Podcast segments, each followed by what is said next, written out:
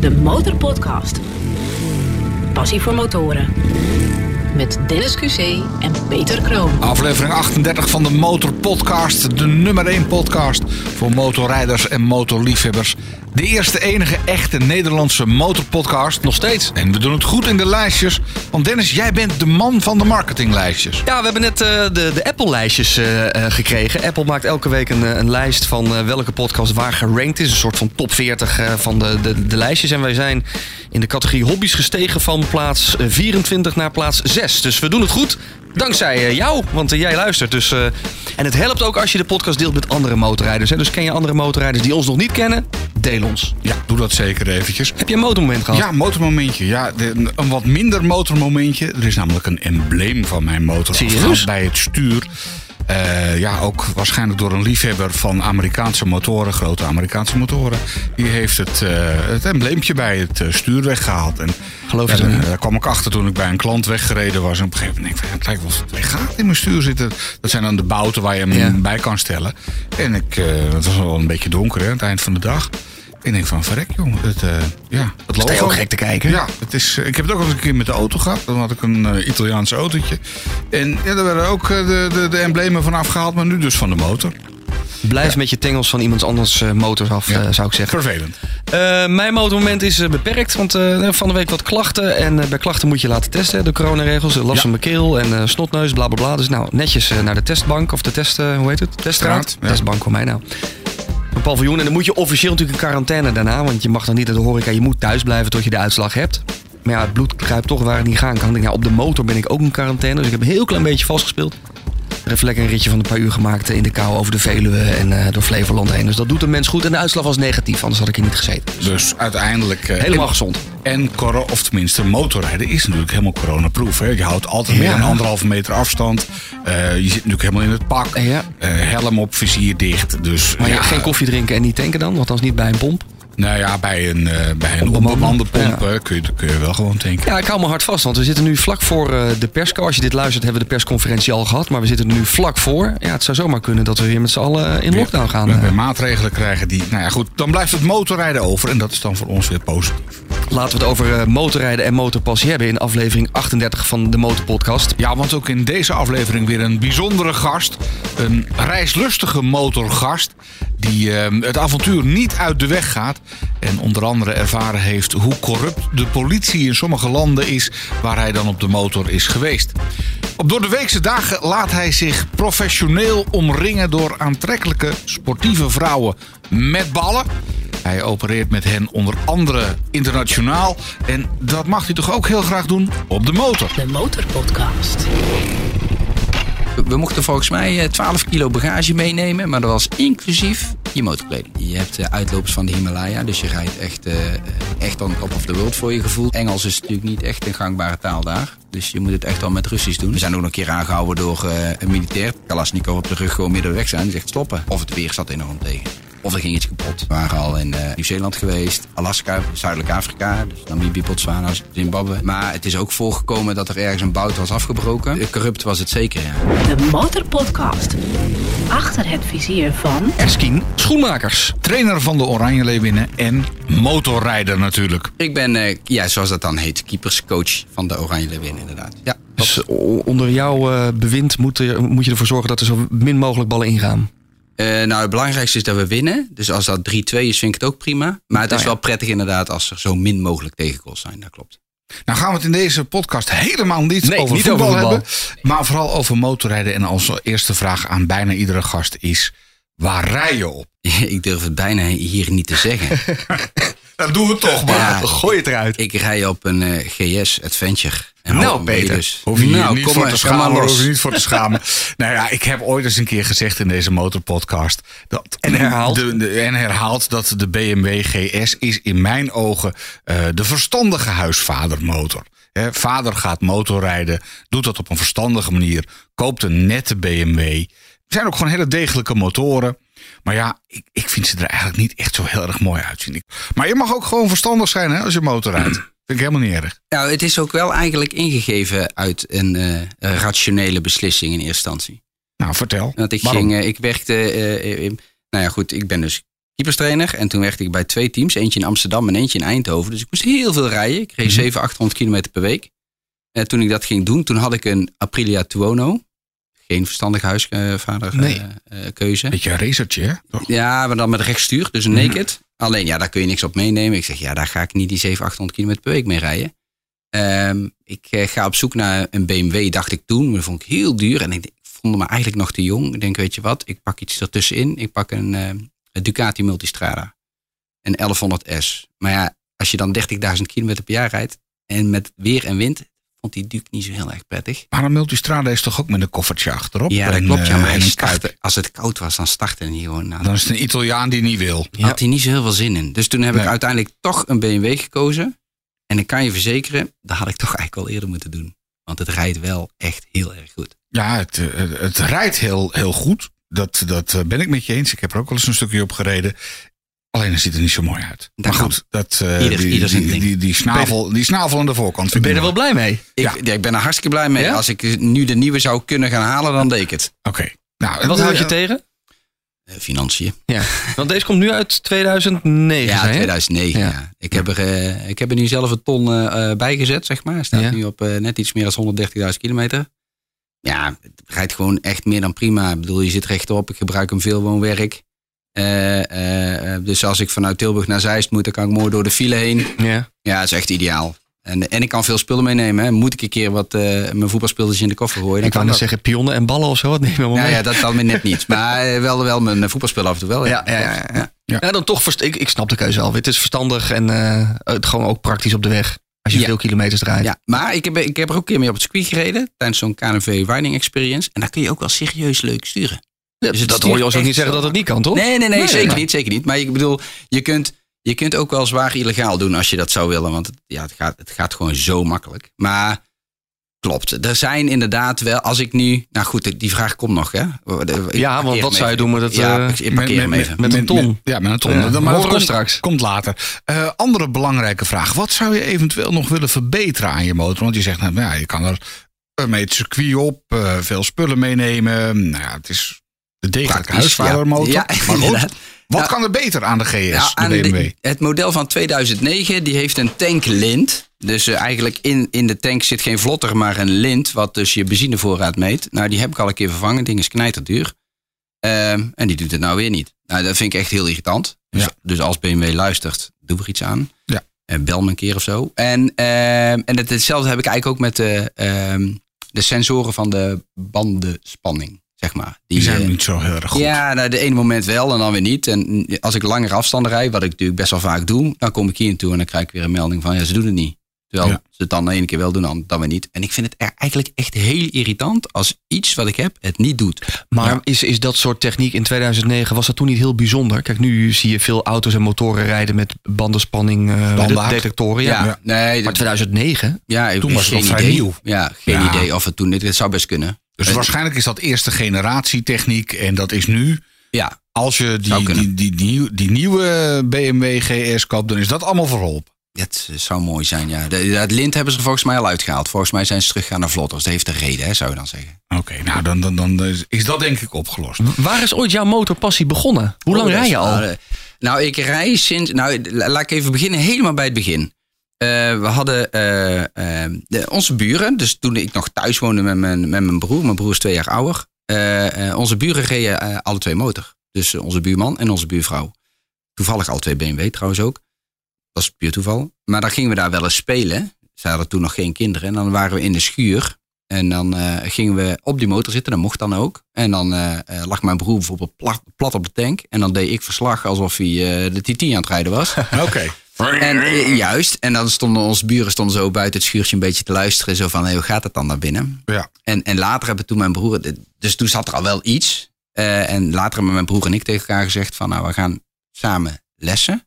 Maar dat doen we nou wel op het moment dat we daarna ook meteen een motor kunnen kopen. Dus ik bedoel, eh, ben je 18, 19 jaar kun je misschien wel lessen als je een beetje gespaard hebt. Maar dan kun je niet meteen een motor kopen. Dus we hebben het iets later gedaan. Volgens mij was ik 23 of zo, denk ik. Dus ik had mijn eerste baan en mijn broer ook. En toen zijn we samen gaan lessen. En eh, eh, sindsdien ben ik, eh, hij rijdt iets minder, maar ik stap wel heel veel op, ja. Wat was je eerste motor? Wat heb je er toen meteen gekocht? Mijn eerste was een ZZR 600 Kawasaki. Ja. En uh, dus geen supersport, maar wel sportief. Een viercilinder. En toen had ik eigenlijk al wel vrij snel van ja, ik miste een beetje beleving eigenlijk wel. Dus ik denk dat ik toch naar een tweecilinder wilde. Dus toen kwam er een Honda VTR Firestorm. Dat is een Duitse C2-cilinder. Daarna kwam een uh, Buell XP12R. Dat was wel een beetje mijn droommotor. Het, het is eigenlijk een Amerikaanse sportmotor met een Harley-blok toen. Er zat een 12 C Harley-blok in. Uh, met heel apart ontworpen. Dus uh, benzine zat in het frame, olie in de achterbrug. Je had één hele grote remschijf voor. Die echt aan de buitenkant van je velg zat. Het was een ultra kort ding. Ja, het was apart, want je had wel het Harley geluid. alleen ja, het was wel een sportmotortje. Dus ja, het was een heel gaaf, heel gaaf ding. Um, en toen ben ik naar de Aprilia gegaan. Nou ja, de rest heb ik al genoemd. Ducati, ja. BMW. Maar wat is die beleving hè, van uh, vier cilinder naar twee? Wat, een tweecilinder is toch gewoon wat meer bokkig? Ja, dat klopt, ja. Maar ja, dat vond ik juist ook wel weer mooi. Dus ja, je moet er ook van houden. Hè. Er zijn er ook genoeg die vinden het helemaal niks. Nee, hoe meer cilinders, hoe beter. Hè? Want wordt die vloeiender. Maar goed. Uh... Uh, ja, nou, luister maar naar de Goldwing. Hè. Die, uh, wat toen, uh, ja, de ja, ja. zes cilinders. Ja, dat is ook wel erg mooi trouwens. Moet Volgens mij heeft het meer gewoon met je eigen voorkeur te maken. De ene, de ene houdt van het geluid, de ander houdt van het bokkige. De ander, ja, het is net wat je ermee doet. Is ook zo. En ik ben er ook wel een beetje weer overheen. Want ik heb ook nog een, een CB, een Honda CB 500 voor uit 1975. dat is vier cilinder. De Motorpodcast. Gratis in je favoriete podcast app. Nou hebben we jou uitgenodigd omdat jij op de motor naar Centraal-Azië bent geweest. En je hebt onder andere gereden in het land van deze televisiereporter. Young Shamash, when you are sick, you do not drink soup made from retard boys' pubis. Instead, you go to magician called the doctor. I find more. Chinkui. Wel de meest bekende Kazachstaanse uh, stur, Kazachstaniër, hoe heet, hoe heet zoiets? Kazak. Kazak, Kazak, die geen Kazak is. Het is uh, Borat uit uh, de gelijknamige film van uh, komiek Sacha Baron Cohen. Uh, Kazachstan was er trouwens helemaal niet blij mee met deze film. Nee. Want uh, ze stonden er niet zo mooi op. Een beetje als een onderontwikkeld land werden ze afgeschilderd. Maar ja, aan jou de vraag, hoe was Kazachstan echt? Kom je daar uh, Borat-achtige types tegen? Nee, die, nee, dit nee, soort die, nee, die, kom, die kom je niet tegen. Nee, dat niet. Uh, ja, wat is Kazachstan voor land? Het, het, is natuurlijk totaal niet te vergelijken met uh, hoe het hier in Europa is. Dus uh, uh, zowel in het beeld wat je ziet. Ehm, ben je in steden, dan is het echt oude Sovjet nog wel wat je ziet. Hè? Heel breed en van die grote monumentale panden. Maar je ziet ook al echt al armoede. en het platteland is juist enorm afwisselend. Daar zie je van uitlopers van de Himalaya tot... Ja, want tot, uh, tot 91 was het een onderdeel van de Sovjet-Unie. Ja. En ja. daarna zijn ze ja, zelfstandig geworden, of tenminste onafhankelijk. Uh... Het ligt een beetje ingeklemd tussen, net, net, net onder Rusland. Aan de rechterkant ligt China. Ja. En links ligt uh, ja, water hier op de kaart. Azerbeidzjan. Ja, klopt ja. Die kant op. Ja, Centraal-Azië wordt het inderdaad wel genoemd. Ja, daar in die hoek moet je zoeken. Alhoewel, toch, het, het is toch uh, nog een klein stukje Europa. Uh, wat was dat? Aan de westkant van... Heet die rivier ook alweer? Die daar dwars doorheen. De Oeral, uh, Oeralrivier. Uh, de westkant daarvan is volgens mij nog Europa. Maar goed, dat zou ik niet eens weten wat zegt. Uh, het is een endweg in ieder geval. Ja. Het is ver weg. Maar ja. hoe ben jij daar nou terecht gekomen? En ja, wat moet je daar? Ja, dat kan ik wel uitleggen. Vertel. Um, het komt eigenlijk door. door, door uh, ik heb de reis samen gemaakt met mijn vrouw. Mm -hmm. uh, dus alle twee op de motor, maar dan wel in een groep. Dus het is wel met een georganiseerde organi ja, georganiseerd geweest. Um, uh, en uh, vrienden van ons die waren bij een presentatie geweest van de organisatie die allemaal van die avontuurlijke motorrondreizen deed. Echt overal. Dus dat was van Nepal naar Mongolië, naar Kazachstan. Dat was dan de eerste, kom ik zo wel even op terug. Maar die gingen ook naar Zuid-Afrika. Of ja, dat kon echt van alles zijn. En um, zij, dus die vriendin van ons, die reed ook motor. Er was wel een motorrijdster, maar niet zo van rij, rij, rijden. Maar die vindt het gewoon mooi om gewoon op te stappen, te tuffen. Maar ook vooral van de omgeving te genieten. En zo is mijn vrouw eigenlijk ook wel. En die was zo enthousiast. En mijn vrouw zoiets had van ja, maar dan zou mij dat toch misschien ook wel aan moeten spreken. En we hadden al wel mooie reizen gemaakt daarvoor. We waren al in uh, uh, Nieuw-Zeeland geweest. Uh, Alaska hebben we een outdoorreis gedaan. Zuidelijk Afrika, dus Namibië, Botswana, Zimbabwe. En toen hadden we iets van, nou ja, goed. Dan gaan we toch eens even kijken wat er allemaal aan opties zijn. Toen dachten we eerst, dachten we van nou, dan gaan we Mongolië, leek ons wel wat. Met de Trans-Siberië Express helemaal daar naartoe. En dan daar motor huren met een, uh, met een gids, krijg je dan wel mee. En, en een volgauto voor als er iets kapot gaat. Eh, alleen dat bleek toch wel heel erg omslachtig te zijn. Want dat moest dan buiten het eh, voetbalseizoen moest ik natuurlijk rekening mee houden. Oh, dus ja. dan moesten we dan zo plannen. Nou, dat ging allemaal niet zo makkelijk. Dus die ketste af. Toen hebben we nog gekeken naar Peru. Daar waren we redelijk, eh, re- in een heel andere hoek. Maar daar waren we redelijk... zeggen, andere kant van de wereld. Precies. Maar we wilden gewoon avontuur.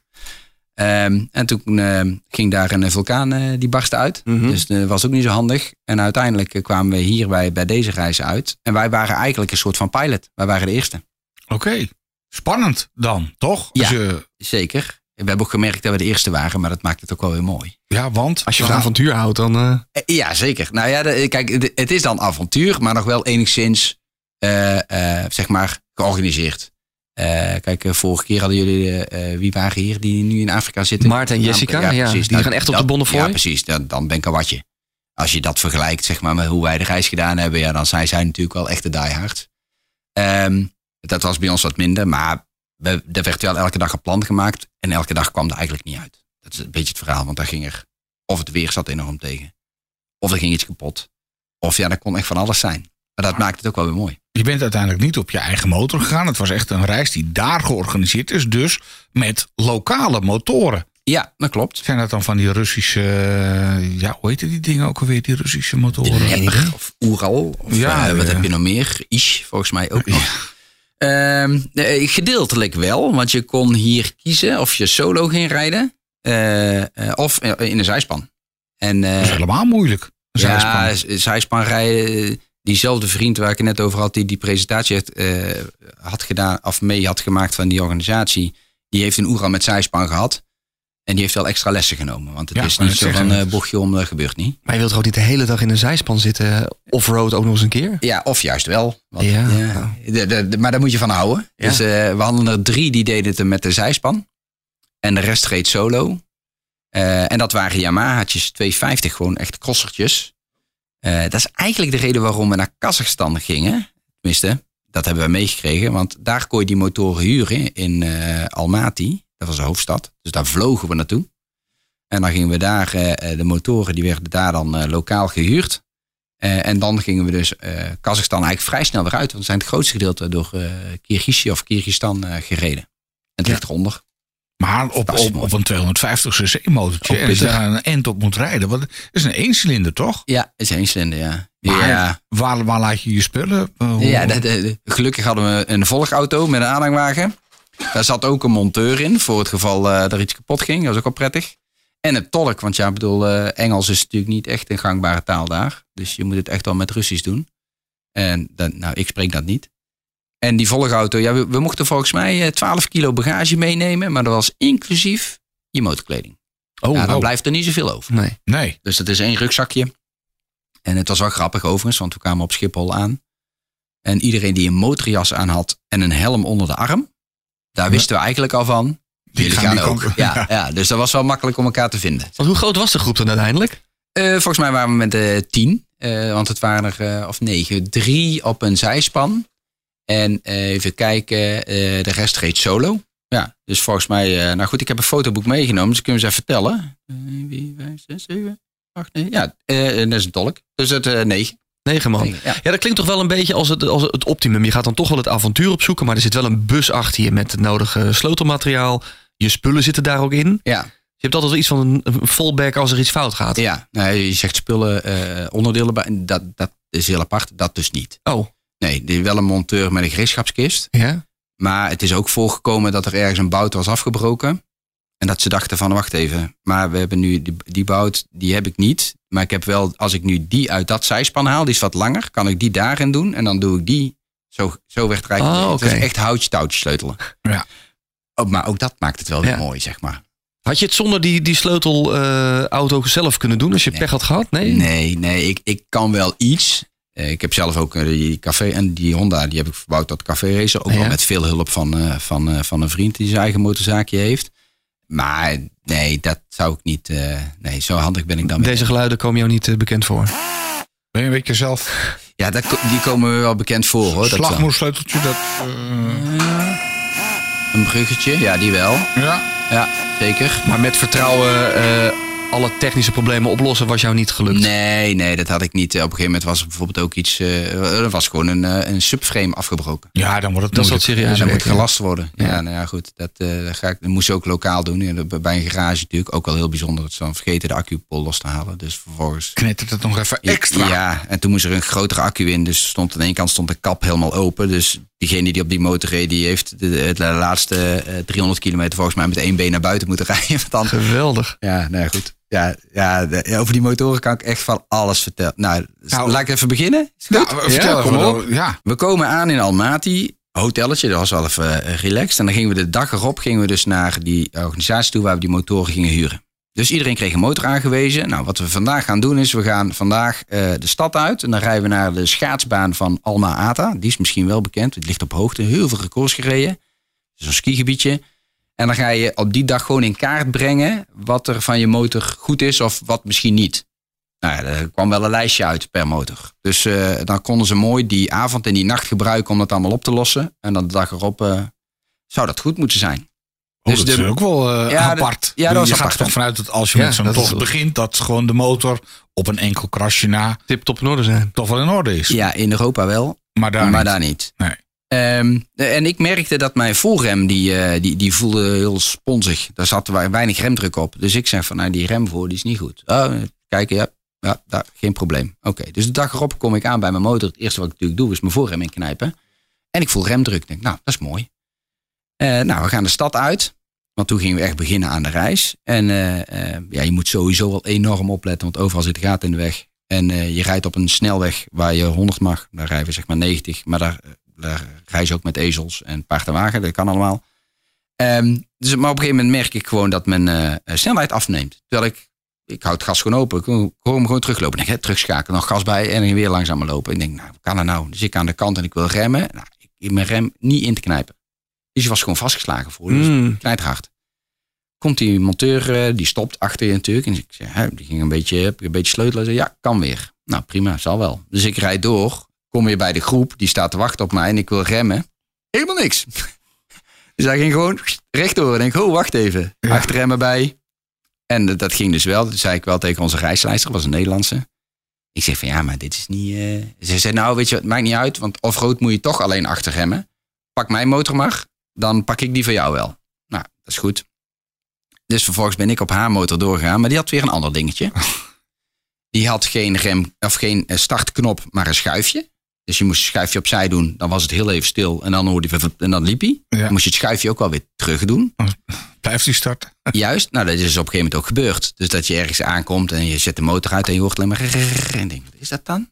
Ja. Maar was dat gewoon door trillen, was dat schuifje dus opgeschoven. Dus die startmotor, ja, die was naar zijn grootje. Dus ik heb ja. eh, eh, vervolgens eh, continu mijn motor aan moeten rennen. is niet zo heel erg, maar als je dat al 's ochtends vroeg op 3500 meter hoogte moet doen. Ja, dan een beetje ademnood. Oh man, ging kapot. Dus dan was je altijd op zoek dan kan ik hem hier naar beneden laten rollen. Dan start ik hem zo wel. Nou, dat was één. En de balhoofd was ingepit, dus je had zo'n slagje in het stuur. En mijn achterband was een beetje kaal op een gegeven moment in het midden. Er zat minder profiel op. Hij was niet door, maar wat minder. En, en het allerlaatste wat gebeurde is, toen reed mijn vrouw achter mij. Die heeft zich helemaal kapot gelachen in de helm. Dat ik door een, eh, door een, eh, ja, een, een zonk in de weg rij eigenlijk. En ik hoor onder mijn tank keihard de knal. Ja. Ik denk, dus ik kijk, maar hij bleef gewoon lopen. Alleen vervolgens zat ik wel continu zo te schommelen. Dus had ik een, een klein hobbeltje, dan zat ik zo te wiepen. En eh, had ik een hele diepe, dan bleef ik maar langzaam. Iets met je vering of zo. Ja, juist. Schokbrekerstuk. Een Schok, Ja. stuk. Ja, dus een demperstuk. Dus Ja, het zuiveerde wel, maar ja, het dempt niet meer. Maar ga je dan niet, nadat je de, de- het zesde pechgevalletje of dingetje hebt gevoeld, op een gegeven moment denken van eh, dit gaan we gewoon niet overleven? nee, eigenlijk niet. Nee? Nee, is heel gek. Want ik heb ook afgronden en zo gezien in jouw fotoboek. En ik denk, ja, daar dit is wel van als je rem het daar doet. Ja, nee. En dat- als je linksaf wil, dat hij ook linksaf gaat. Ja, nee, dat is waar. Maar op een gegeven moment, ja, ik weet niet. de- had je toch wel eh, gevoel erbij. Ik, het ingepitte balhoofd ook. Hè, dan voel je zo, zo in het midden van de stuur zo'n zo'n tikje. Ja. Maar op een gegeven moment, en die, en die vierkante achterband, ja, op een gegeven moment had je precies door van, oké, zo sturen, zo sturen. Ja, En je hebt natuurlijk op je werk altijd vertrouwen in de technische crew. Die had je natuurlijk daar ook. Vertrouwen in die technische crew. Eh, ja, dat is waar, ja. Nou ja, of ik er echt veel vertrouwen had, weet ik niet. Maar ze waren er, ja. Nee, maar goed, dat maakt het ook wel weer mooi. En, eh, en ik moet zeggen, de reisorganisatie heeft nadien... Want ik heb toen wel gezegd van, joh, eh, als je nog een keer een reis organiseert... dan moet je wel zorgen dat die motoren in orde zijn. Ze zei, ja, ik had het gehoord, zei hij, dat het echt slecht was. En toen heeft hij mij en mijn vrouw alle twee een, eh, een, een off-road cursusdag aangeboden, zeg maar, als Compensatie. ja, ja, als compensatie. Dus dat deed hij verder prima. En eh, Kun je deze reis nu ook bij hen boeken? Is dit gewoon boekbaar? ja, ik weet eigenlijk niet of Kazachstan er nog in zit. Uh, reisorganisaties bestaan er wel, Ja. heten ze. Maar of, of Kazachstan, ik heb daarnaar gekeken. Maar ik kon hem nou niet meer zo snel ontdekken. Hm. Het is wel zonde, want het is echt... Ja, de Kazachstan, Kyrgyzstan is gewoon qua natuur. Het is ja, ja zo mooi. Zo mooi. Ja. Wat is er mooi aan? Eh, omdat ze ruig is. Kijk, je, wat ik net al zei, je hebt uitlopers van de Himalaya. Dus je rijdt echt, eh, echt on top of the world voor je gevoel soms. Dat kan over strak asfalt zijn, want je zei terecht van het ligt naast China. Dus je hebt daar ook die handelswegen, zeg maar. Met Chinees geld hebben ze daar hele mooie wegen neergelegd. Maar dat kan ook echt totaal een eh, soort geitenpad zijn. Eh, of inderdaad met spoorvorming zo diep als je, als je zeg maar je as. Dus dat maak je ook mee. Maar je rijdt ook door groene gebieden. Eh, eh, je rijdt door, eh, we zijn in een canyon geweest, Shaheen Canyon heet dat. Dat is de grootste canyon schijnbaar buiten de Grand Canyon. Het ziet er op jouw foto's ook echt uit als een Grand Canyon. Echt Grand Canyon. Fantastische Ja. uitzichten. En daar reden we dan in, dus dan heb je weer die hele rode omgeving. We hebben het heel warm gehad, maar we hebben het ook ijskoud gehad. Ja, dat is allemaal onderdeel van, laten we zeggen, het avontuur. Wel bijzonder, want je hebt het over die slechte wegen. Terwijl we hebben ook een eerdere aflevering gemaakt met Job. Die is naar Mongolië geweest. En die zei juist dat de wegen in Mongolië echt fantastisch waren. Eh, ja, maar die hebben we dus ook gehad. We hebben ook hele mooie wegen gehad. Dus het was er wel echt wisselend. En de wegen, zeg maar, die dan commercieel belangrijk zijn, die waren echt wel prima. Maar ja, goed, wij hebben ook. eh, de, regel was ook: eh, er rijdt er eentje voorop, die werd aangewezen. Wie rijdt er vandaag voorop? Oké, dat ben jij. Bij elke afslag, ook al is het maar een heel klein paadje, daar wacht je. En dan maakt ook de afspraak wie rijdt er net voor de volgwagen. Nou, als ik dat zou zijn, oké, prima, dan ben jij dat. Dus iedereen die voor je stopt, jij stopt daarachter. Dat als dan de volgauto komt, dat ze ook meteen weten, oké, die zit ervoor. Dan hebben we heel de groep voor ons. Maar eh, eh, het betekent wel dat bij elk straatje wat je maar tegenkwam, of elk pad, onverhard of verhard, dan moest je gewoon stoppen. Want ja, dat zou best kunnen betekenen dat we daar rechtsaf gingen of linksaf gingen. De Motorpodcast. Nou was je, zei je net, eh, proefkonijn eigenlijk. Want je was van. de eerste die deze route deed. Ja. Ja, hoe, hoe gaat dat dan? Want dan is het echt ontdekken. Hè? Dan, dan, Ja. Nou ja, wat ik al zei, eh, dat het vaak was eh, een plan maken, maar vaak kwam het ook niet uit, omdat er bijvoorbeeld een lekke band kan dan al eh, echt de roet in het eten gooien.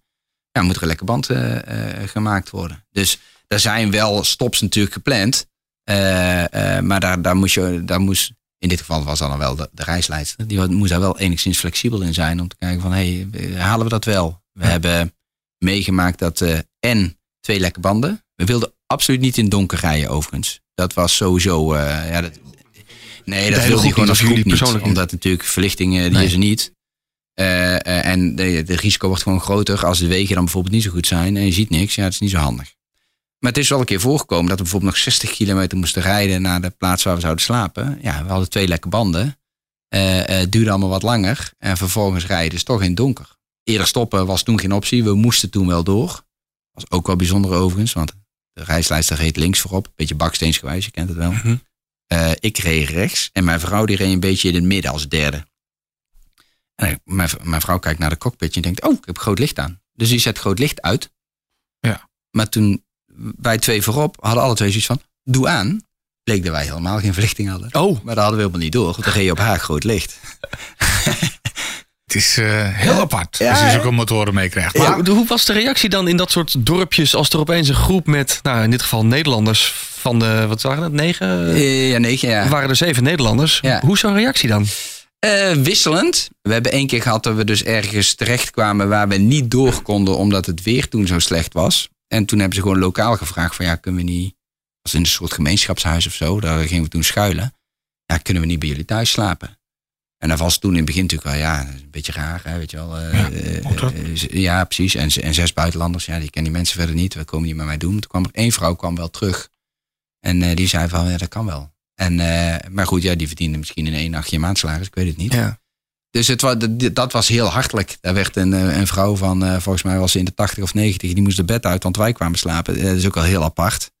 Mannen in de huiskamer en de vrouw in de andere kamer. Want ze wilden niet dat, dat we bij elkaar lagen. En ja, maar zij zijn getrouwd. Nee, maakt niet uit, die vrouw. Nee, gescheiden. Mannen daar, vrouwen daar. werd gekookt. Er werd zelfgestookte wodka, uiteraard. Ja, kwam ja, op tafel. Ja, ja, hele bijzondere ervaringen. Dus het, het was een beetje wisselend. In, veel straten ook wel dat de kinderen kwamen kijken en zwaaien. Maar ja, volgens mij heb ik ook wel eens een keer een steen eh, naar mijn helm gehad. Ja, ja goed. Dat kan gebeuren. Over het algemeen gewoon hartelijk. Jawel. Veilig te doen, Ja, goed. ja. Ja. Ja, motorkleding kennen ze niet. Dat vinden ze wel bijzonder. Ja? Ja, als je dan, dan voelen ze, dan denken ze, hè, wat is dat dan in je schouder, in je elleboog? En eh, eh, als we vallen, probeer dan uit te leggen. Maar ja, die, eh, die, eh, Dat die kennen ze niet. Nee, Ja, die kennen nee. ze niet. Nee. Het is dus van hotel naar hotel. En dan begin ik eh, een beetje op te lichten. Want eh, onze vorige gasten gingen met de tenten onderweg. En dan, Ja. dan haak ik een beetje af. Ik ben toch een beetje een, hotel, eh, een hotelkind. Ehm, Hoeveel sterren hebben ze daar? ja, hoeveel sterren hebben ze Nou, daar? ik, ik ga je teleurstellen, Peter, want het was echt niet van hotel naar hotel. Oh. Ehm, nee, we hadden ook gewoon een tentje mee. Dus we hebben Oh. ook, ja, het was een beetje wisselend. Dus we hebben eh, bij, in, in tentjes geslapen. We hebben in hotels geslapen, maar dat mag echt geen naam hebben hoor. De, eh, de, Gewoon blij zijn dat er een bed is. Ja, precies. Eh, en dat is prima. Eh, want daar kunnen we wel een keertje douchen. En ook dat is allemaal klein. En het is niet het meest schone misschien. Maar goed, ja, dat hoort erbij. En bij mensen thuis. Of bij een eh, soort B&B, zeg maar, hebben we ook wel gehad. Dus het was, we hebben echt van alles gehad. Ja. Maar ook dus ook tentjes. Ja. Dus niet de luxe die je graag... Ik zie Peter al minder enthousiast. Ja, het is, ik, ik, ik dacht Kazachstan, van, nou, Kirgizië wordt het niet, denk ik. Nee, Eh, nee. een Zou ik keer een motor huren en dan... eh, ja, nou ja, je hoort over die gebieden toch wel... dat het ook een beetje, beetje corrupt is af en toe. Eh, ja, Ja. hoe, hoe is dat? Ja, de- nou, die begrijp ik wel. Maar dat is ook wel een van de redenen waarom we zelf alleen die reis bijvoorbeeld niet zo snel zouden maken. Eh, eh, omdat het nu georganiseerd was, durfden we dat wat beter. Tolk erbij. Tolk erbij. Eh, maar eh, nou, corrupt, corrupt was het zeker, ja. Ehm, we hebben... Kijk, nou...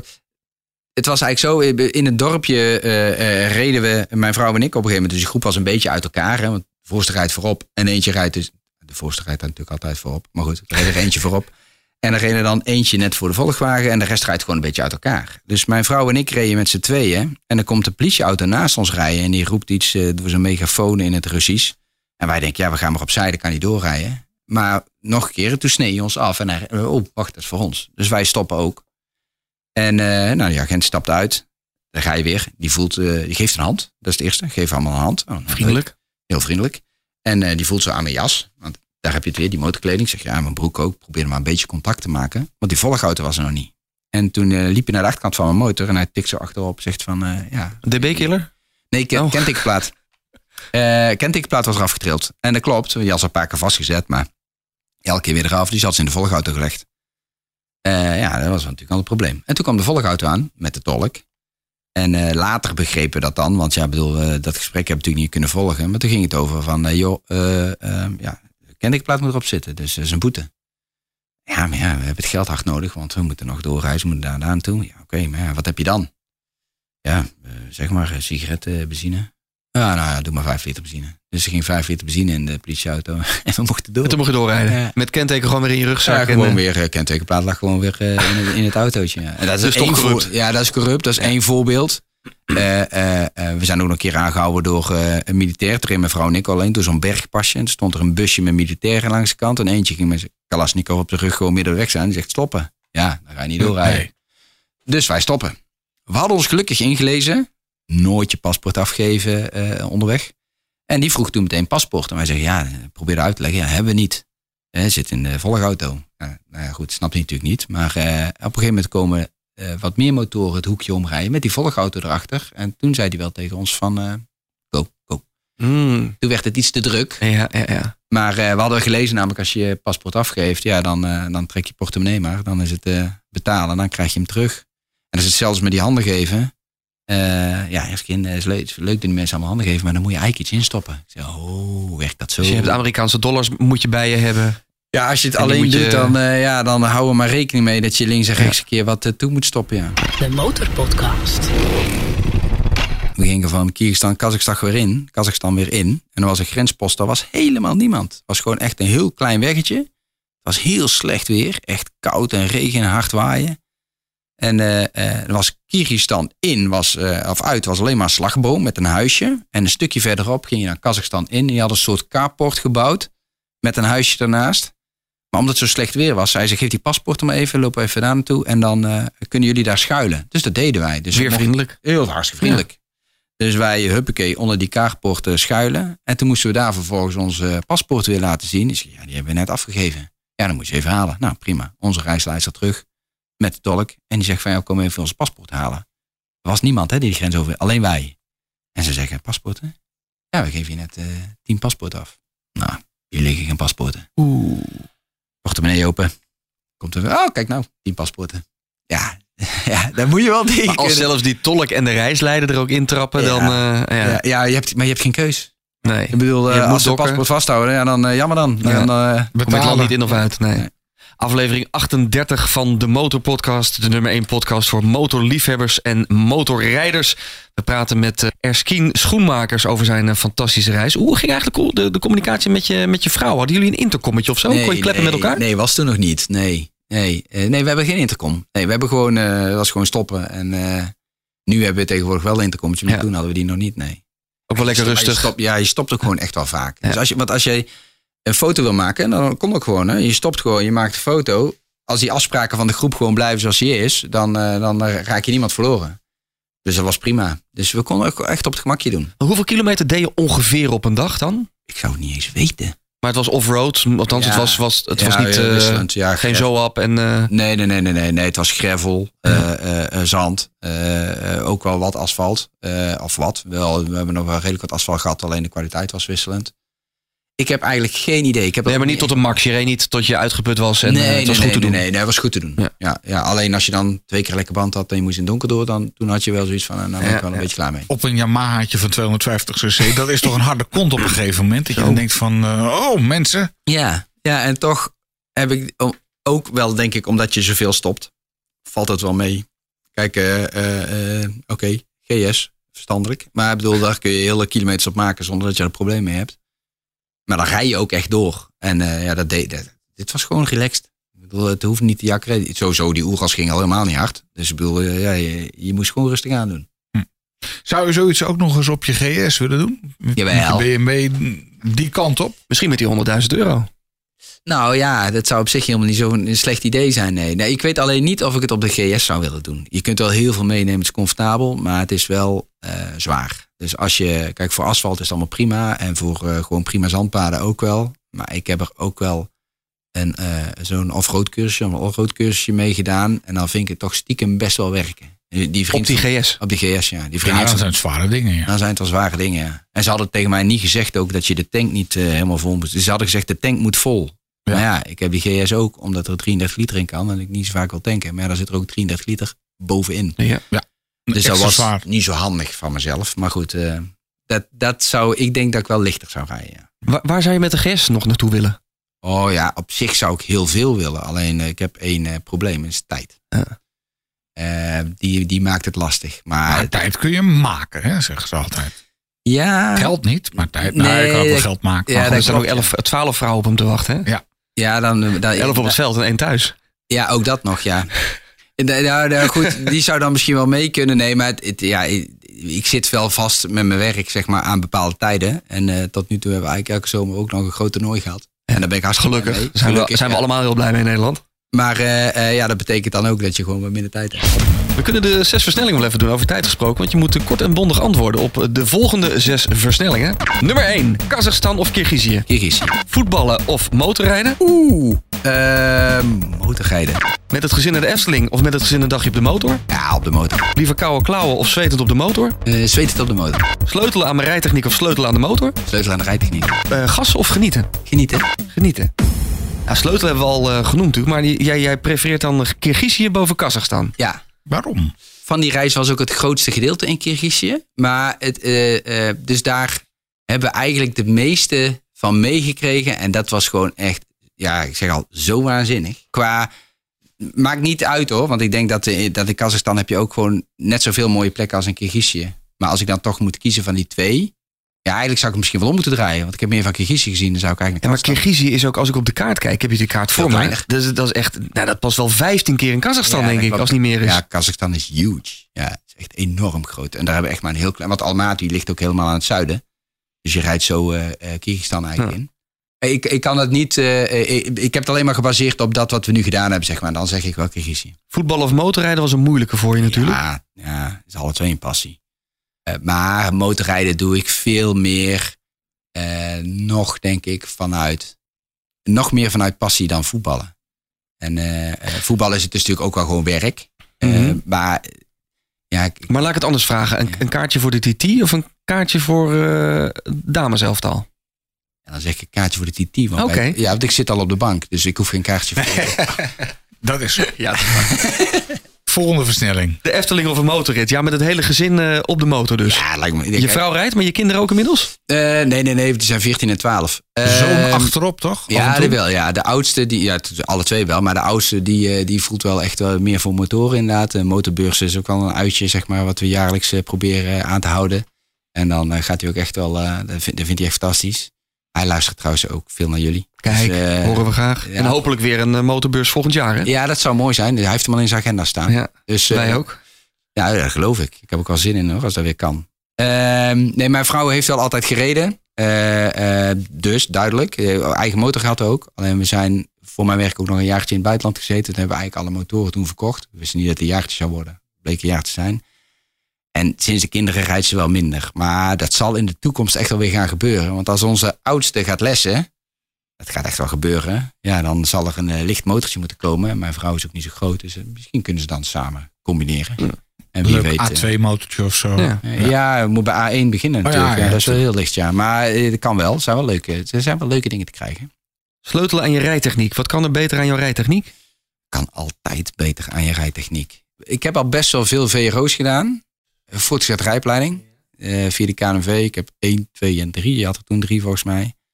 Eh, en ik heb nog een keer een hoofdprijs gewonnen met een prijsvraag eh, bij Yamaha. Waar, waarvan ik niet eens wist dat ik had meegedaan. En dat was een één op één rijtraining de hele dag. Toen heb ik echt ook wel serieus veel geleerd over positie op de weg. Want dat vroeg ik ook. Ik zeg ja, toch wel de positie. Hij zegt ja, we noemen dat zicht halen. Of beter zichtbaar zijn, zei ik. En hij zegt ja, wij noemen dat zicht halen. Dat wil zeggen dus dat jij beter kunt zien, maar dat anderen jou ook beter zien. Daar heb ik wel heel veel van opgestoken. Dus volgens mij kun je altijd verbeteren.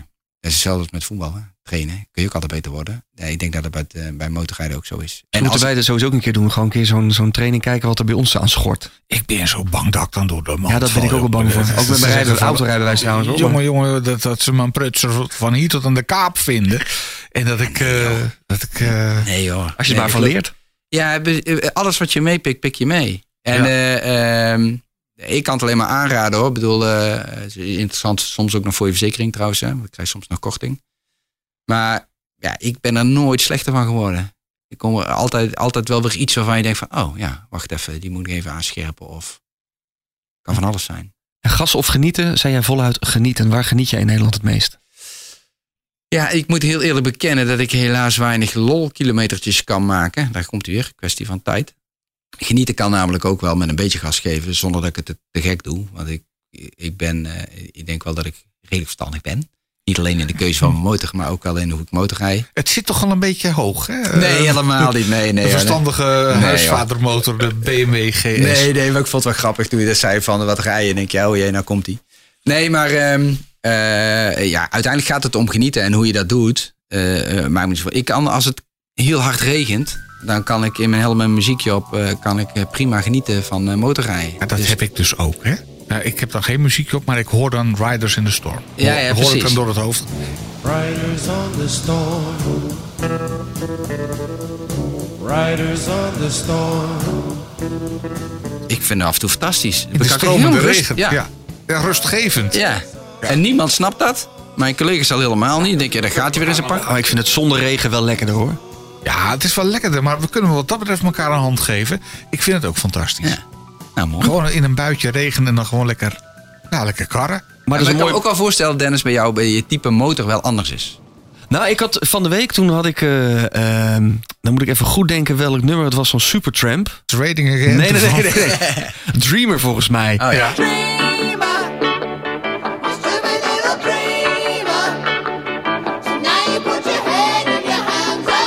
En eh, ik hoorde het nummer en toen ging het gas ook wel even open. hoor. Dat, dat nummer bouwt zo lekker op. En eh, toen dacht ik van, oh, ik ga even te hard. Dit moet even, even weer terug. Dus het was weer een hele andere track dan eh, dat ik normaal heb. Maar dat is voor mij de plaat waar ik toen harder van ging. Maar Snap ik. voor jou dan de vraag. Wat is voor jou de plaat waar jij harder van gaat? Ik zit even de meest gangbare op een rijtje.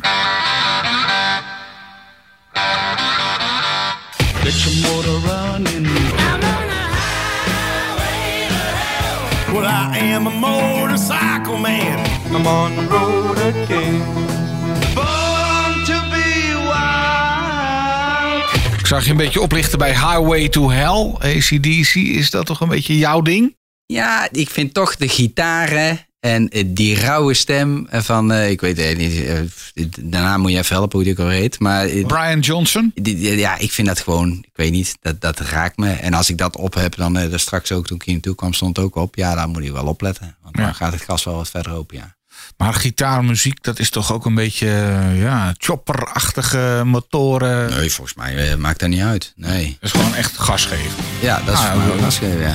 Nou, vertel het zelf even, welke is het van Ja, ACDC? play ball. Ja, en eh, ja, heerlijk.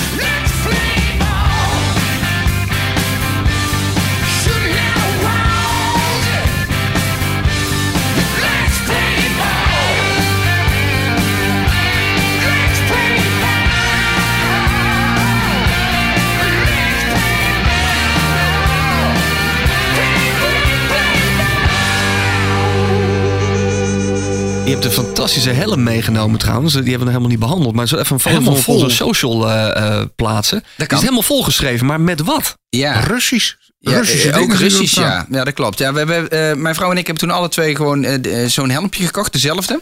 Mhm. En wat we gedaan hebben is eigenlijk, eh, kijk, je kreeg dan ook een visum en daar staat dan je naam in het Russisch op. Mhm. Dus die hebben we voorop geschreven. Dus eh, bij mij staat dan Erskin in het Russisch en schoenmakers mag naam in het Russisch. Met een Nederlands vlaggetje erbij. Dan komen we elke keer ook weer om contact te maken met locals. Zo van, kijk, dit, dit ben ik. Ja. Vlaggetje. Geen idee of ze wisten of Nederland was, maar dat maakt verder niet uit. Eh, we hebben op de achterkant hadden we gezet eh, Kazachstan en Kyrgyzstan. Dat staat hieronder eigenlijk met het jaartal erbij. En de reisorganisatie. En we hebben eigenlijk de route er helemaal opgeschreven. En dat deden we allemaal in blauw. En we namen dan een rode stiften mee. We hadden sowieso die stiften bij ons. En dan lieten we mensen onderweg gewoon er iets opschrijven. Oh, dus Oh. al die rode namen zijn locals Ja. die jullie... En met telefoonnummers ook erbij ja, zien? er was er eentje die. eh toen sliepen we, of toen waren we in een joert. Dus dan zo'n zo'n ronde tent. Hè, echt iets eh, van, van die streek. En eh, daar hebben we ook. Wat had ik daar gedronken? Want dan zag je overal gegiste paardenmelk of zo, geloof ik. Gegiste paarden. Ja, dat hing dan in de zon. Ik denk, ik moet het toch eens proberen. Nou, ik heb vervolgens drie blikjes cola achterover geslagen, volgens mij. Want die was zuiveren. Niet, niet te hard. Kan je maar bel goed. me roep 827721862. Moet- En wel even het kennegetal van Kirgizië ervoor zetten. Maar Ja, je dan, kunt eh, proberen. Ik ben benieuwd wie aan de telefoon krijgt. Maar eh, die hebben vol laten schrijven. En dat was wel echt leuk, want daarmee maak je contact. Dus met kinderen of met eh, volwassenen. Of eh, nou, schrijf je maar op. En dat vonden ze ook echt leuk om te doen. Dus die, ja, die hebben heel lang in de huiskamer gestaan als aandenker aan. Nu staan ze inmiddels op de slaapkamer. Maar eh, ik denk, ja, die neem ik even mee. we zullen er even een foto van, ons, eh, van de helm op onze socials zetten. Het is echt een fantastische aandenken volgens mij aan deze mooie Ja. reis. De Motorpodcast. Gratis in je favoriete podcast-app. Jij bent de, de man die eh krumpy wordt als hij niet lang op de motor. Als je een poosje niet kan rijden. Ja, dat klopt, ja. Hoe uitzicht dat? Krap je het behang van de muur? Of, Nee, nee, nee, nee, nee. Maar dan, eh, eh, ik merk aan mezelf dat ik dan een iets korter lontje krijg. Oké, dus je moet gewoon om te relaxen, om Ja. de wereld aan te kunnen, moet jij gewoon op de motor. Ja, het- ik vind het een ideaal eh, eh, middel zeg maar, om even je kop leeg te maken. Ondanks dat je natuurlijk gewoon geconcentreerd moet zijn. Wat makkelijker is, vind ik, op de motor dan in de auto. Maar ik vind het heerlijk om gewoon even in mijn eigen bubbel eh, te rijden. En dan of over dingen na te denken, want dat kan natuurlijk ook. Heerlijk juist, ja. Maar ehm, ja, het schakelt, even afschakelen. Ik bedoel, eh, iedereen heeft in zijn werk wel eh, momenten dat je denkt, oh, daar moet ik even over nadenken. Of dat een keer iets niet gaat zoals je graag zou willen. Dat hebben we allemaal. Ja, en, en ik heb toen in het begin, toen ik met deze baan begon, ging ik alles met de auto doen. Omdat je dan ook nog eens een keer naar clubs toe gaat en zo. Maar toen merkte ik op een gegeven moment zo van, ja, maar ik zit helemaal niet zo, ik, ik zat gewoon niet zo lekker in mijn veld. Ik weet niet wat het was. Toen dacht ik, nou, ik ga een stukje motorrijden. Toen dacht ik, ah, Dat is het. dat was het. Al jouw woon-werkverkeer is nu met de motor. Ja, als het, maar, eh, als het niet eh, ijzelt of, eh, of sneeuwt, dan is het in principe doe ik het altijd met de motor. En als ik wedstrijden moet gaan kijken, dan eh, kijk ik wel een beetje naar het weer. Want als ik nat aankom, ja, dan, dat is het voordeel van die GS. Daar heb je meer. Dan kan ik mijn motorkleding even in, eh, in die koffers doen. Maar als het nat is, is het natuurlijk niet zo handig. Maar eh, normaal gesproken doe ik dat ook op de motor. ja. De Motorpodcast. We hebben zometeen voor jou natuurlijk nog de 100.000 euro vraag. Wat zou je doen met 100.000 euro eh, voor je motorpas? Ja, maar we moeten ook nog even de post doen, eh, Dennis. Er is heel veel binnengekomen, kunnen niet alles behandelen. Eh, pak er even twee uit. Van Peter Melvin Fransen. We hebben het laatst gehad over nummers over motoren. Mhm. We hebben natuurlijk de, eh, hoe heet het? de, de Goldwing Song. Ja. En hij zei van ja, er is er nog één. Hayabusa van Hef. Oké, moeten we even opzoeken. Ja, het is een totaal ander nummer. Ik heb het geluisterd. Niet mijn smaak, maar er bestaat dus nog een, eh, een nummer over motoren. En Hans Lamse die schrijft... Mooie podcast, mannen. Ik heb ze inmiddels allemaal geluisterd, net zoals jou, Erskine. Ehm, hij gaf een reactie op aflevering 36. Die ging over het Goldwing Forum. Hij was meteen helemaal verknocht. En eh, hij is inmiddels groot fan. Nou, Hans, eh, spread the word zou ik zeggen. Hoe meer fans, hoe beter. Ik werd van de week toevallig hier bij de omroep door iemand benaderd. Die zei van, eh, eh, ik rij zelf geen motor, maar ik luister toch. Ah, nou, welkom. En, eh, leuk. ik, had, ik had echt zoiets van, hoezo dan? Ik bedoel, eh, hè, dit is toch echt typisch iets voor... nou ja, ik vind de verhalen gewoon leuk om te horen. Ja, En dan dit reisverhaal heb- ook, heb geweldig? zelf geen motor, maar ja goed. en al die nummers over motoren, daar weet hij ook niet zoveel van. Maar gewoon het verhaal Ja. op zich, ja, dat, dat spreekt dus toch aan. Ook als je niet op een motor rijdt. Wat is het jou nou het meest bijgebleven van je hele reis? er ging er best wel wat kapot. Dus een van die Oerals ging ook kapot. En die was op een gegeven moment gewoon beyond repair. Was gewoon niet meer te fixen. Maar ja, Doe je dan? die, ja precies. Want die, eh, die, eh, die man heeft wel geboekt om met een Oeral rond te gaan. Dus zijn ze op zoek gegaan naar een Oeral. Die hebben ze gevonden bij de politie. Hm. Was nog in dienst eigenlijk. Hebben ze gewoon overgekocht. Alles werkte. Dus sirene, zwaailicht. Dus er is ook een moment dat hij ergens achter ons aankomt rijden. En dan gaan die rode lampjes aan. En dan hoor ik zo... En dan mocht je, hebben ze gewoon bij de politie gewoon opgekocht. En nou prima, rij maar. Nee, Ga- doe mij even die K1600. Want ik, eh, ik heb een motor nodig. Ja, dat gaat niet gebeuren, nee. Ja, dat soort dingetjes. Ja. Als jij ons nou zou moeten overhalen met eh, één regel uit de reisgids waar deze reis in staat. Hoe, hoe zou jij Peter en mij dan overhalen om toch naar Kazachstan of Kirgi- Kirgizië af te reizen? ja, voor Peter gaat het heel moeilijk worden natuurlijk. Omdat hij echt alleen maar luxe hotels wil. En ik ben de buikschuiver gewend. Ja, je bent de buikschuiver gewend, maar dat maakt niet uit. Want die had ik toen ook nog namelijk. Ja. Nee, ik zou... ehm, eh, het, het is gewoon avontuur en, en beleven. Want dat is het. En eh, eh, zo hebben wij bijvoorbeeld... Onze reis naar Alaska was ook zo. was gewoon outdoor. En dat was gewoon rauw en ruw. En, maar dat vinden wij juist mooi. En dat heb je hier ook. Maar je hebt het hier nog wel gekoppeld aan gastvrijheid bij mensen. Eh, en, en onvoorspelbaarheid. Want dat was het ook. Ik je wist gewoon niet waar je precies uit ging komen. Maar dat maakt het ook wel mooi. Ehm, dus als je daarvan houdt, maar je wil het dan nog wel gecontroleerd doen door in een organisatie te doen, hè, dan, dan is dit wel de ideale reis, denken wij. Heb je, heb je nog andere bestemmingen of moeten we die even koppelen aan, eh, aan het grote geld? Eh, nee, want nee, die hoef je niet per se te koppelen aan het grote geld. Ja, als ik, als ik weer een grote reis zou kunnen maken, zou ik dat graag doen. Lijkt me ook wel heel mooi om dat met. eh, met eh, Oké, nou we, we gooien hem er gewoon in. We gooien hem er even in. Hè? De Motorpodcast. 100.000 euro voor je motorliefde. Wat ga jij ermee doen? 100.000 euro. Waar maak je het dan op? Oké, nou ga ik even iets heel bijzonders zeggen. Ik zou, eh, ik, ik zou sowieso mijn eh rijinstructeurspapieren willen halen. Oh, Ja, Ja? die is grappig, hè? Ja. om, Eh. om de voetbalmeiden ook nog wat anders bij te brengen nee, nee, dan nee, alleen... nee, eh, nee, maar die brengt eigenlijk eh, een soort van twee eh, eh, eh, liefde en passies bij elkaar. Liefde voor het coachen Ja, ja. en de passie voor het motorrijden. Dus op zich eh, lijkt me dat wel heel mooi om, eh, om dat te doen. Want dan ben je elke dag bezig met motorrijden. Maar je verliest ook niet je, je, ja, je, je capaciteit zeg maar, als coach. Ja. Dus dat, eh, die vond ik wel grappig. Ik denk, Ja, dat, leuk dat, lijkt, gevonden. me- dat lijkt me wel wat. Dus dat is één. Ja. Nou ja, dan, eh, ik weet niet waar je eraan kwijt bent. Laten we Dat hadden we aan Robert Dalsen moeten vragen. Een van de eerste Ja. afleveringen. Die is dat gaan dat- doen. Dat is geen ton. Je bent geen Nee, 100.000 nee. euro Je hebt sowieso een lesmotor nodig. Ja, dat is waar. Maar dat zou nog, misschien ook nog kunnen met de GS die ik nu heb natuurlijk. Maar goed, Om daar uit. mensen op te laten lessen. Nee, Ja, nee, het nee, kan, niet, maar- niet op te laten letten. Oh. Nee, maar dat is als je eigen rijschool. Ik heb nu ja. even over de papieren halen. Ja. Als ik een rijschool ga beginnen, dan ben ik wel iets meer kwijt, ja. Nee, maar dat, dat zou ik wel graag willen. Tof. Ik zou, eh, ik zou toch wel heel graag in, in die Buell XB12R terug, Toch? eentje terugkopen. Ja, gewoon erbij. Want ik bedoel, het, het, het- tuurlijk is die GS rijdt lekker, maar die Buell was toch ook wel... Het is zo mooi als er gewoon af en toe raampjes... Ja, jij herkent het misschien wel. Ja. Af en toe gewoon raampjes open gaan en mensen even luisteren. Hé, hoe klinkt dat ding? Ja, dat vind ik wel gaaf. Ja, nee, dat, dat, dat is eigenlijk moet een, een, een motormotor is het, hè? Een beetje een eh, ja, authentiek apparaat. Ja. Iets wat Ja. je niet elke dag ziet. Dat is, Precies. Nou, ik- ik- je draait heel veel hoofdjes eh, draaiden om inderdaad als je voorbij kwam. Dat is absoluut zo. Ja, die GS niet, want die zijn er zoveel. Maar bij die eh, Biel was er wel zo. Dus die zou ik wel graag eentje terugkopen. Kost die? Om en nabij? Eh, ge- gebruikt. Ja, ik Ja, denk, ik koop hem nog gewoon nieuw. Of tenminste, ja, dat kan niet meer. nou helemaal gereviseerd. Gereviseerd, ja. Nou, Helemaal laten we zeggen, dan ben je er ook eh, 10 kwijt of zo. Tien, denk tien, ik. Ja, ik denk dat het best wel meevalt. Dus dan zit je misschien op 20. Dus moet er 80 over. Dat is wel veel. hè? Ja, ja. Nou, een A1-motortje alvast. Ja. Hè? Eh, nou, Koper dan twee. Hè? Dat kan makkelijk. Ehm, eh, en ik zou toch, toch wel de nieuwe GS Toch wel. Gewoon met alles dan. Alles erop en aan. De adventure, ja, die vind ik toch wel heel erg vet, toch? Ik eh, heb er van de week nog even, even op gezeten. Toevallig, ja, altijd probeer ik het eventjes. Hè. Eh, ik vind dat displaytje wat erin Mooi, zit Ja. zo compleet. Ja, zo al die gizmos en is mij ook opgevallen bij de dealer. Ach, jongen, jongen, jongen, jongen. Dan, dan, dan denk je... eh, diefstalgevoelig schijnbaar. Die worden veel gejat schijnbaar, heb ik. eh, Maar daar zit toch alles op en aan van GPS-tracking, Ja, nee, automatische politie. Oh, Oh ja. Die is schijnbaar wel gewild. Maar ik vind het mega mooi, inderdaad. Maar ja, moet je dan zoiets laten? Want dat is ook altijd even een beetje eh, het dingetje. Moet je zo'n mooie motor of een mooie motor of iets dan maar niet doen... omdat er andere mensen zijn Oh, die nee. eraan aan kunnen gaan pielen. Nee, want dan had jij die Harley ook niet gekocht. Nee, dat is inderdaad zo. Ja. En, en dat is toch ook, ja... Nou ja, goed. Je doet het voor jezelf, hè? Ja, Ja, daar ben ik met je eens. Maar goed, wat, wat kost die? Waar ben je naar kwijt? Hebben we compleet alles erop en eraan? Laten we zeggen nou, 30. Ja, met, met echt alles erop en eraan wat je kan bedenken. Nou, dan gaat hij wel richting de 40 en ietsje 40? meer. Oké, ja. nou 40. Jezus, veel geld zeg. nou, je hebt die twee eentjes, nou, die heb je voor eh, 5000 euro. Ja. Een nieuw, je- nieuw, nieuw pak dan nog. 10? Of- nee. Ja, hoeveel heb je nog Eh, over? je hebt nog 30 Reken even over. gauw. 30 over. Maar dan moet je je reisrol ook van doen, hè? Ja, als ik echt de rijschool zou beginnen, ja, dan, dan, is, dan is het al op. Ja, ja, ja, dan is het al ook op, ja.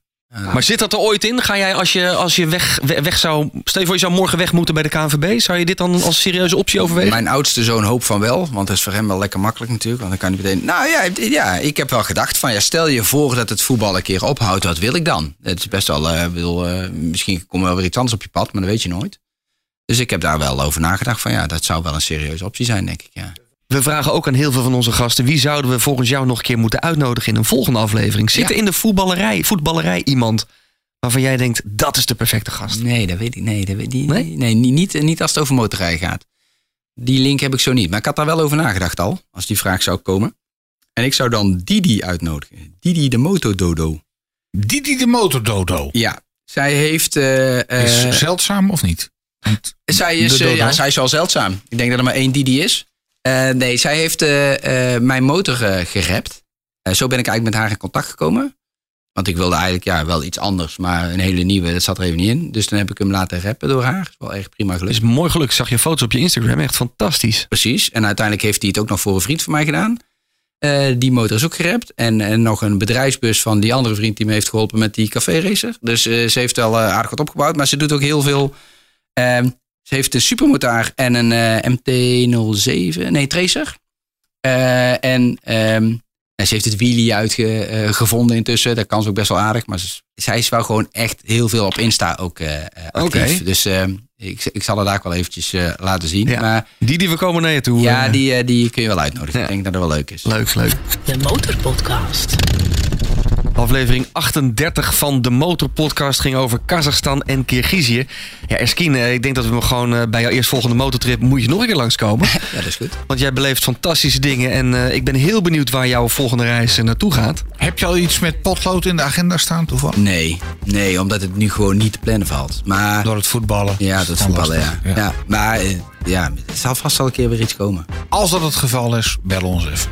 Dat zal ik doen. Dank voor je komst naar eh, de Motorpodcast Studio. Een eh, goede reis terug. Wil jij nou wat laten weten over deze eh, podcast? Vind je het leuk of niet leuk? Laat het ons dan vooral ook weten. Dat kan via info@demotorpodcast.nl. Is het nou de eerste die je luistert? Er zijn er nog 37 eh, te gaan, dus luister ze vooral allemaal. En je vindt ons ook op Facebook en Instagram, de Motorpodcast. En als je je eventjes gratis abonneert, dan krijg je iedere twee weken een verse aflevering van de Motorpodcast. Inderdaad, helemaal gratis via je favoriete podcastplatform. De Motorpodcast. Gratis in je favoriete podcast app.